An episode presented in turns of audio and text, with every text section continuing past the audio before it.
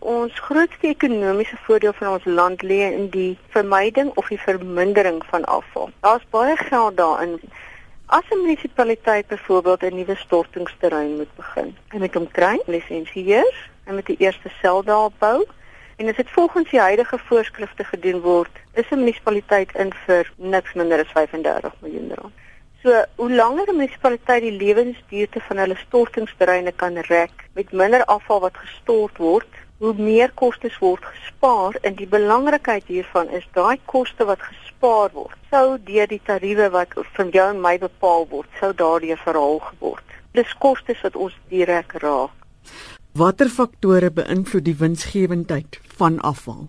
Die mark vir herwinbare produkte is eintlik 'n baie onvoorspelbare mark en 'n wisselende mark. Die prys wat gewoonlik vir hierdie tipe materiaal betaal word, word beïnvloed deur vraag en aanbod. En dan moet ons ook 'n aanmerking neem die koste verbonde aan herwinning, die arbeidskoste verbonde daaraan en vir herwinning om regtig winsgewend bedryf te word, moet dit gedoen word op in terme van ekonomie van skaal en dat jou kapitaalkoste om byvoorbeeld afval tot energie aanlegte te bou is geweldig hoog.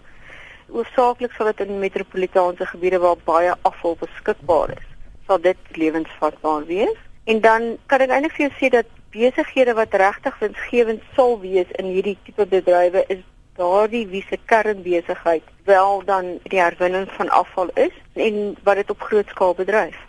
In hoe mate is munisipaliteite en ek praat nou van groot metro's se denke oop vir alternatiewe afvalbestuur?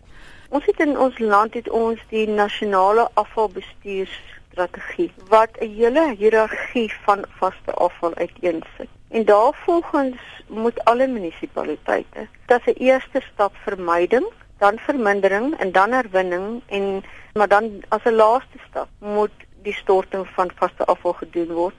So almal moet eintlik hulle denke oopmaak vir alternatiewe metodes om met afval te deel. Benewens dit munisipaliteite moet almal van hulle ook geïntegreerde afvalbestuursplanne hê sekerlik soos wat ons almal tereg weet, 'n klomp van die munisipaliteite in Suid-Afrika veg vir oorlewing meer as enigiets anders. Maar 'n aantal munisipaliteite het al begin om hulle inwoners te versoek om hulle glas en papierblikkies en plastiek en daai tipe goed in aparte sakke te plaas.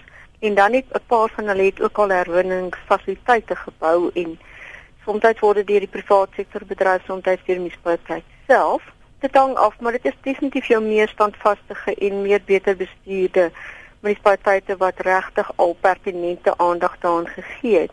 En dan wil ek vir jou sê daar's 'n paar wat al reeds so ver gevorder het dat hulle is in die proses om wel afval tot energie aanlegte op te rig. En interessant genoeg, is dit nie 'n metro wat die verste gevorder het in hierdie verband nie, maar is wel die uh, Drakensberg munisipaliteit in die Weskaap wat die dorpe Parel en Wellington insluit wat die verste al gevorder het. Nie inteendeel die finale volle aanleg behoort in 2 tot 3 jaar gebou te wees. Dit is so ongeveer 10 megawatt krag opwek.